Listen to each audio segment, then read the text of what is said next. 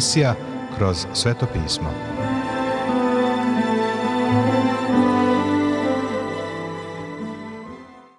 Dobroveče, poštovani slušaoci i dobrodošli u još jednu emisiju programa Kroz sveto pismo, programa koji je za vas napisao Vernon McGee, a pročitao Branko Bjelajac. Želimo vam prijetno i blagoslovljeno slušanje.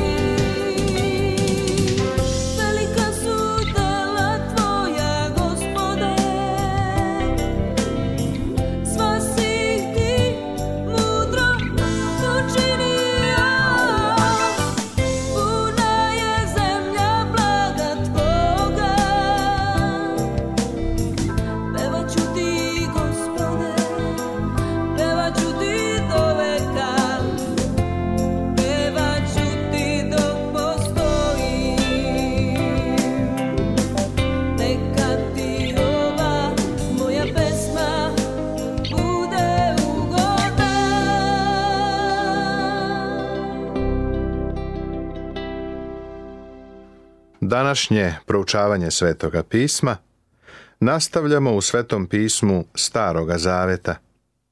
U knjizi proroka Danila u trećem poglavlju i razgovaramo o 25. stihu.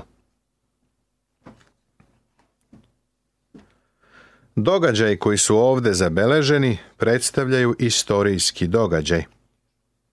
Ali treba da znamo i da su oni i skica – proročka slika vremena velike nevolje. Užarena peć predstavlja patnju koja će se pojaviti tokom velike nevolje. Navuhodonosor predstavlja zver koja izlazi iz mora, Antihrista, posljednjeg velikog svetskog vladara.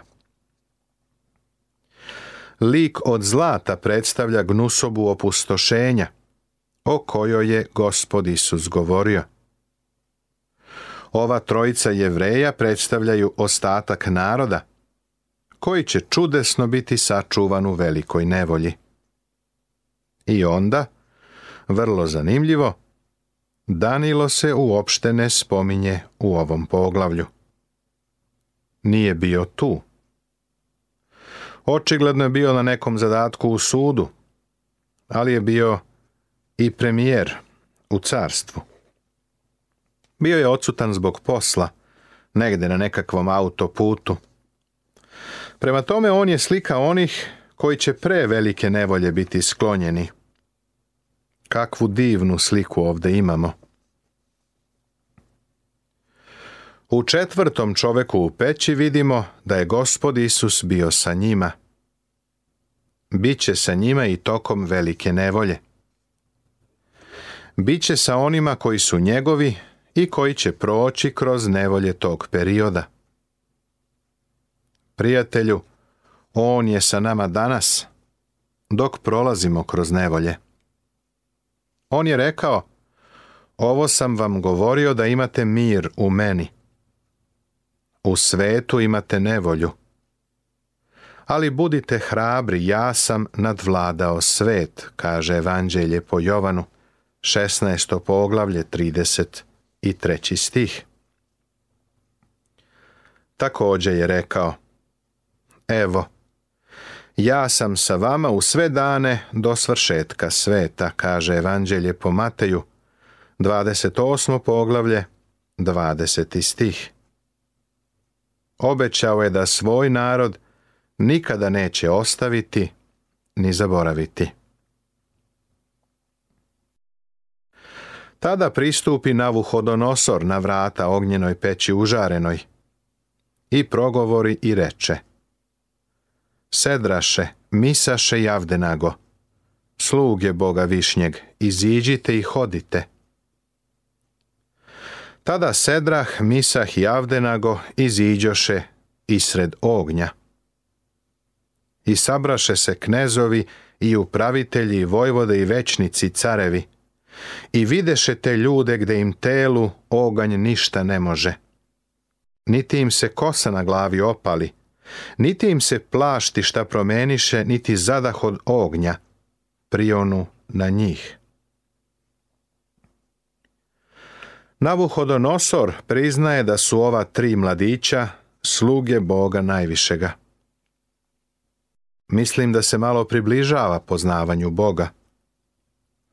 Ovi ljudi su izašli iz peći, a da im nijedna dlaka nije izgorela, niti im je odeća mirisala na dim. Ovo je pravo čudo.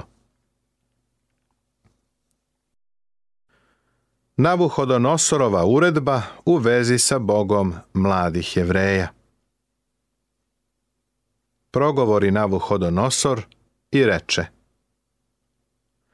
da je blagosloven Bog Sedrahov, Misahov i Avdenagov, koji posla anđela svog i izbavi sluge svoje, koji se unj pouzdaše i ne poslušaše zapovesti careve i dadoše telesa svoja da ne bi služili niti se poklonili drugom Bogu osim svog Boga zato zapovedam da se svaki kog mu drago naroda i plemena i jezika, koji bi pohulio na Boga Sedrahovog, Misahovog i Javdenagovog, da se iseče i kuća da mu bude bunjište, jer nema drugog Boga koji može tako izbaviti.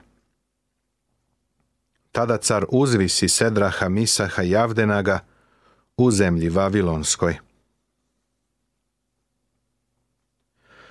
U ovom iskazu Navuhodonosora nema ništa lično. Ipak on shvata svemoć živog Boga i njegovu silu kojom je izbavio ova tri mladića. Priznaje da je njihov Bog veći od njegovog.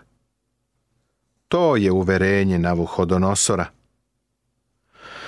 U sljedećem poglavlju čitat ćemo njegovo lično svedočanstvo o obraćenju. Verujem da je on upoznao živog i istinitog Boga. Ovom čoveku je dugo trebalo da iziđe iz paganstva i mnogoboštva kojima je bio ispunjen. Ova trojica jevreja su ponovo u milosti Navuhodonosora. Dva puta im je izrečena smrtna kazna. Dva puta su čudesno izbavljeni dva puta su unapređeni. Isto tako, Gospod Isus čuva svoj narod danas u svetu. Za mnoge od nas to treba da bude uteha. U Novom Zavetu, Evanđelju po Jovanu, u desetom poglavlju, u 27. i 28. stihu ovako je rekao – moje ovce slušaju moj glas. Ja ih poznajem, te idu za mnom. Dajem im večni život, pa neće nikada propasti, niti će ih ko oteti iz moje ruke. Ponovu evanđelju po Jovanu u 17. poglavlju 11. stihu kaže I nisam više na svetu, a oni su na svetu. Ja idem k tebi. Oče sveti, sačuvaj ih u svoje ime koje si mi dao da budu jedno, kao što smo mi. Zatim je nastavio. Ne molim da ih uzmeš sa sveta, nego da ih sačuvaš od zla, kaže 17. poglavlju 15. stihu a u poslanici jevrejima Svetoga pisma Novog Zaveta, u sedmom poglavlju, u 25. stihu čitamo Stoga i može sasvim da spase one koji njegovim posredstvom prilaze Bogu, pošto da živi, da se moli za njih.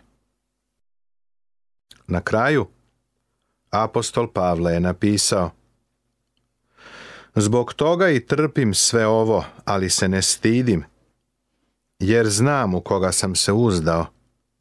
I uveren sam da je on kadar sačuvati do onoga dana dobro koje je meni povereno. Kaže druga poslanica Timoteju, prvo poglavlje, 12. stih. Prijatelju, danas živimo u svetu u kojem imamo nevolje. Neka Božja deca dospiju u užarenu peć, ali On je kadar da ih i tu sačuva i iz toga izvede. Jednostavno ne verujemo gospodu onako kako bi trebalo. Nemamo veru kakvu su ova tri jevrejska mladića imala.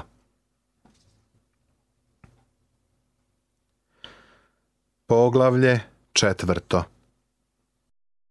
Tema Navuhodonosorovo svedočanstvo Navuhodonosorov san o drvetu Danilo tumači san o drvetu Navuhodonosorova mentalna bolest San se ispunio, a Navuhodonosorov um je obnovljen. Ovo poglavlje će nam pružiti veoma mnogo podataka o Navuhodonosoru, više nego što smo ih preimali. U stvari, porodica je nešto sakrivala. Bilo je tu nešto čime nisu mogli da se pohvale. Navuhodonosor je patio od ludila. Ovo poglavlje je jedan list iz istorije – preuzet iz vavilonskih arhiva. Oblik Navuhodonosorovog ludila je danas veoma dobro definisan i poznat. I to je nešto od čega pati veliki broj svetskih vladara. Živimo u vremenu kada se velika pažnja poklanja mentalnoj bolesti i različitim vidovima abnormalnog ponašanja. Ponekad se pitam ko je uopšte normalan u ovom ludom svetu u kojem živimo. Ko može da proceni ko jeste, ako nije mentalno zdrav? Standard je ono ponašanje većine, to je ono što se naziva normalnim. Kada se samo mali broj ponaša na određeni način, to je onda abnormalno. Ovo je naravno proizvoljna procena. Ko uopšte može da kaže da je normalno ono što radi većina? Ovo zaista može da bude predmet rasprave. Mislim da bi bilo teško održati tezu da se većina ponaša normalno. U Šekspirovoj drami Hamlet, Hamlet je poslat iz Danske u Englesku. Misli su da je malo čuknut u glavu jer su po njihovoj proceni u Engleskoj svi ina onako bili malo čuknuti. Postoji priča o čoveku koji je imao problema sa noćnim snom, jer mu se stalno pričinjavalo da je neko ispod njegovog kreveta. Stalno je prekidao san, jer je ustajao da bi noću proveravao ispod kreveta i utvrdio da dole nikoga nema. Na kraju je zbog problema otišao kod psihijatra. Psihijatar mu je rekao, pa, zaista imate problem. Biće teško vratiti vas u normalu, ali mislim da ćemo uspeti.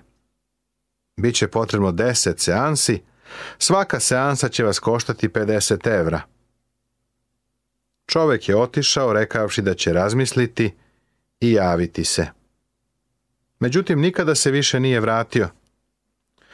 Posle nekoliko sedmica, psihijatar ga je sreo na ulici i upitao zašto se nikada više nije pojavio. Čovek mu je odgovorio da se izlečio, da mu je u tome pomogao njegov prijatelj Stolar. Kada mu je ispričao o problemu koji ima, Stolar je rekao da to može da sredi. Došao je u kuću ovog čoveka, testericom stericom ocekao noge od kreveta. Sada onaj više ne može da se zavuče ispod kreveta, odgovorio je čovek psihijatru. Verujem da većina nas pati od neke abnormalnosti. Ali Navuhodonosor je imao ozbiljan problem. Navuhodonosorovo svedočanstvo Car Navuhodonosor svim narodima, plemenima i jezicima što su po svoj zemlji mir da vam se umnoži. Svide mi se da objavim znake i čudesa što mi učini Bog višnji. Znaci njegovi kako su veliki i čudesa njegova kako su silna. Carstvo je njegovo carstvo večno i vlast njegova od kolena do kolena. Ovo je čudesno Navuhodonosorovo svedočanstvo, koje pokazuje kako se njegova vera razvijala. U Danilu u trećem poglavlju u 29. stihu car je izdao uredbu u kojoj je izrazio svoje uverenje. Ovde daje lično svedočanstvo. Tamo je bila zapovest, a ovde odluka. Tamo je bilo ubeđenje, a ovdje pravo obraćanje. Hronološki gledano, njegovo svedočanstvo bi moglo doći na kraj ovog poglavlja, jer je izraslo iz iskustva koje je u ovom poglavlju opisano. Navuhodonosor šalje poruku mira svim narodima, plemenima i jezicima što su po svojoj zemlji, njegovog carstva ne govori o miru među narodima. Takav mir je već posjedovao. Postigao ga je svojom vojnom silom i nadmoćnom snagom. On ovdje govori o miru u srcu koji dolazi kada Bog prihvati grešnika i kada grešnik ima mir sa Bogom. Ovom čoveku je vraćen i obnovljen mir, kao što ćemo vidjeti u ovom poglavlju. On ovdje govori o tome što mi učini Bog višnji. Njegovo svedočanstvo je vrlo lično. Bog više nije samo Bog one trojce, jevrejskih mladića. Car svedoči i o Božijim znacima, čudesima, o njegovoj vladavini. Shvata i priznaje da je Božije carstvo i Božija vladavina iznad njegovog. Mir o kojem Navuhodonosor govori u ljudskom srcu može doći jedino kada čovek upozna Boga. Pošto smo dakle opravdani verom, imamo mir sa Bogom posredstvom gospoda našeg Isusa Hrista, kaže poslanica Rimljanima, peto poglavlje prvi stih. To je mir koji je on zadobio svojom krvlju na krstu. To je mir koji u srce grešnika uđe baš zbog kazne koju je Hristos platio. Bog je sada za njega i na njegovoj strani. I za svih nevolja i nepogoda u svetu, iza svih opterećenih srca stoji pitanje greha. Stvari se nisu ispravile. Jedan mladić mi je to ovako rekao – nisam u miru sa samim sobom. Nisam u miru sa roditeljima. Nisam u miru ni sa profesorima, ni sa kim nisam u miru. U osnovi, prvo moramo imati mir sa Bogom. Kada u ljudskom srcu zavlada taj mir, nastaće i mir sa svima oko nas. Do tada čovek ne zna za mir. Siguran sam da veliki deo onoga što nazivamo abnormalnošću i ludilom danas može da se izleči evanđeljem i poznavanjem Boga. Smatrao sam absurdnim to što su na Filipinskim ostrvama formirane bolnice za prijem američkih vojnika iz Vijetnama sa vijetnamskim sindromom. Vojnici su tamo ispitivani, dati su im psihološki testovi. Međutim, ljudi su iskakali iz aviona spremni za telefonske pozive ženi, majci, nekom voljenom. Mnogi od njih su svedočili da je Bog bio sa njima. Naučili su da se mole i Hristos je bio sa njima. Nije im bio baš potreban takav psihološki tretman. U našim školama se uči o svemu na ovom svetu osim o Božjoj reči. Božja reč može doneti mir ljudskom srcu. To je problem koji je imao i Navuhodonosor. Ali je on odlučio da sklopi mir sa Bogom i Bog je sa njim sklopio mir. Danas je Bog već sklopio mir sa tobom. Sada čeka da i ti sklopiš mir sa njim. Kada to središ, neće ti biti potrebno da mnogo vremena provodiš na kauču psihijatra. Umjesto toga, blistaćeš kao hrišćanin. Nastavit će se.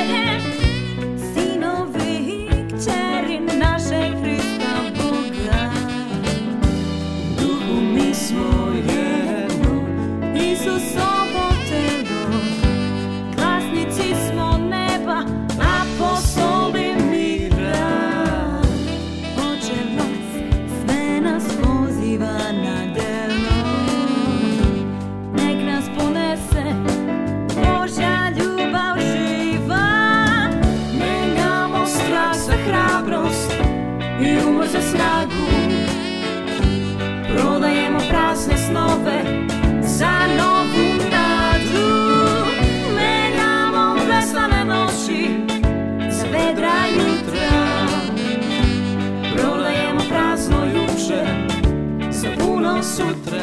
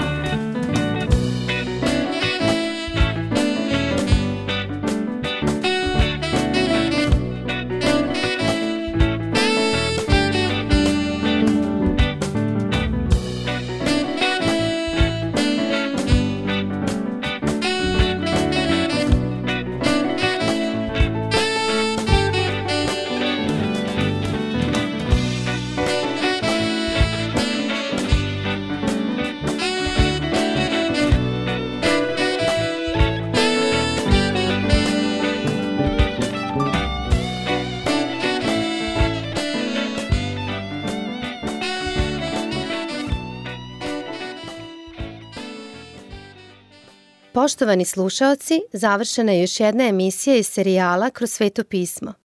Ovaj program možete da slušate svakog radnog dana na talasnoj dužini od 1548 kHz u vremenu od 22 sata do 22 sata i 30 minuta. Ukoliko želite da nam se javite, da nas pohvalite ili pokudite, da nam predložite izmene kojima bismo mogli da poboljšamo naš program, ali i da vas nagradimo kakvom dobrom hrišćanskom knjigom, novim zavetom ili celom Biblijom. Na raspolaganju su vam telefon, elektronska pošta ili obična pošta. Broj našeg telefona je plus 381 062 396 331. Adresa redakcije glasi Poruke, Poštanski fah 37 11060 Beograd. Elektronskom poštom nas možete kontaktirati na krosvetopismo at gmail.com. Također pripremili smo vam i web stranicu na kojoj možete pronaći sve naše programe. Adresa web stranice je www.twr.com serbia.org. To bi za večeras sa naše strane bilo sve. Pozdravljaju vas i žele vam Boži blagoslov Branko, Nebojša i Monika. Laku noć.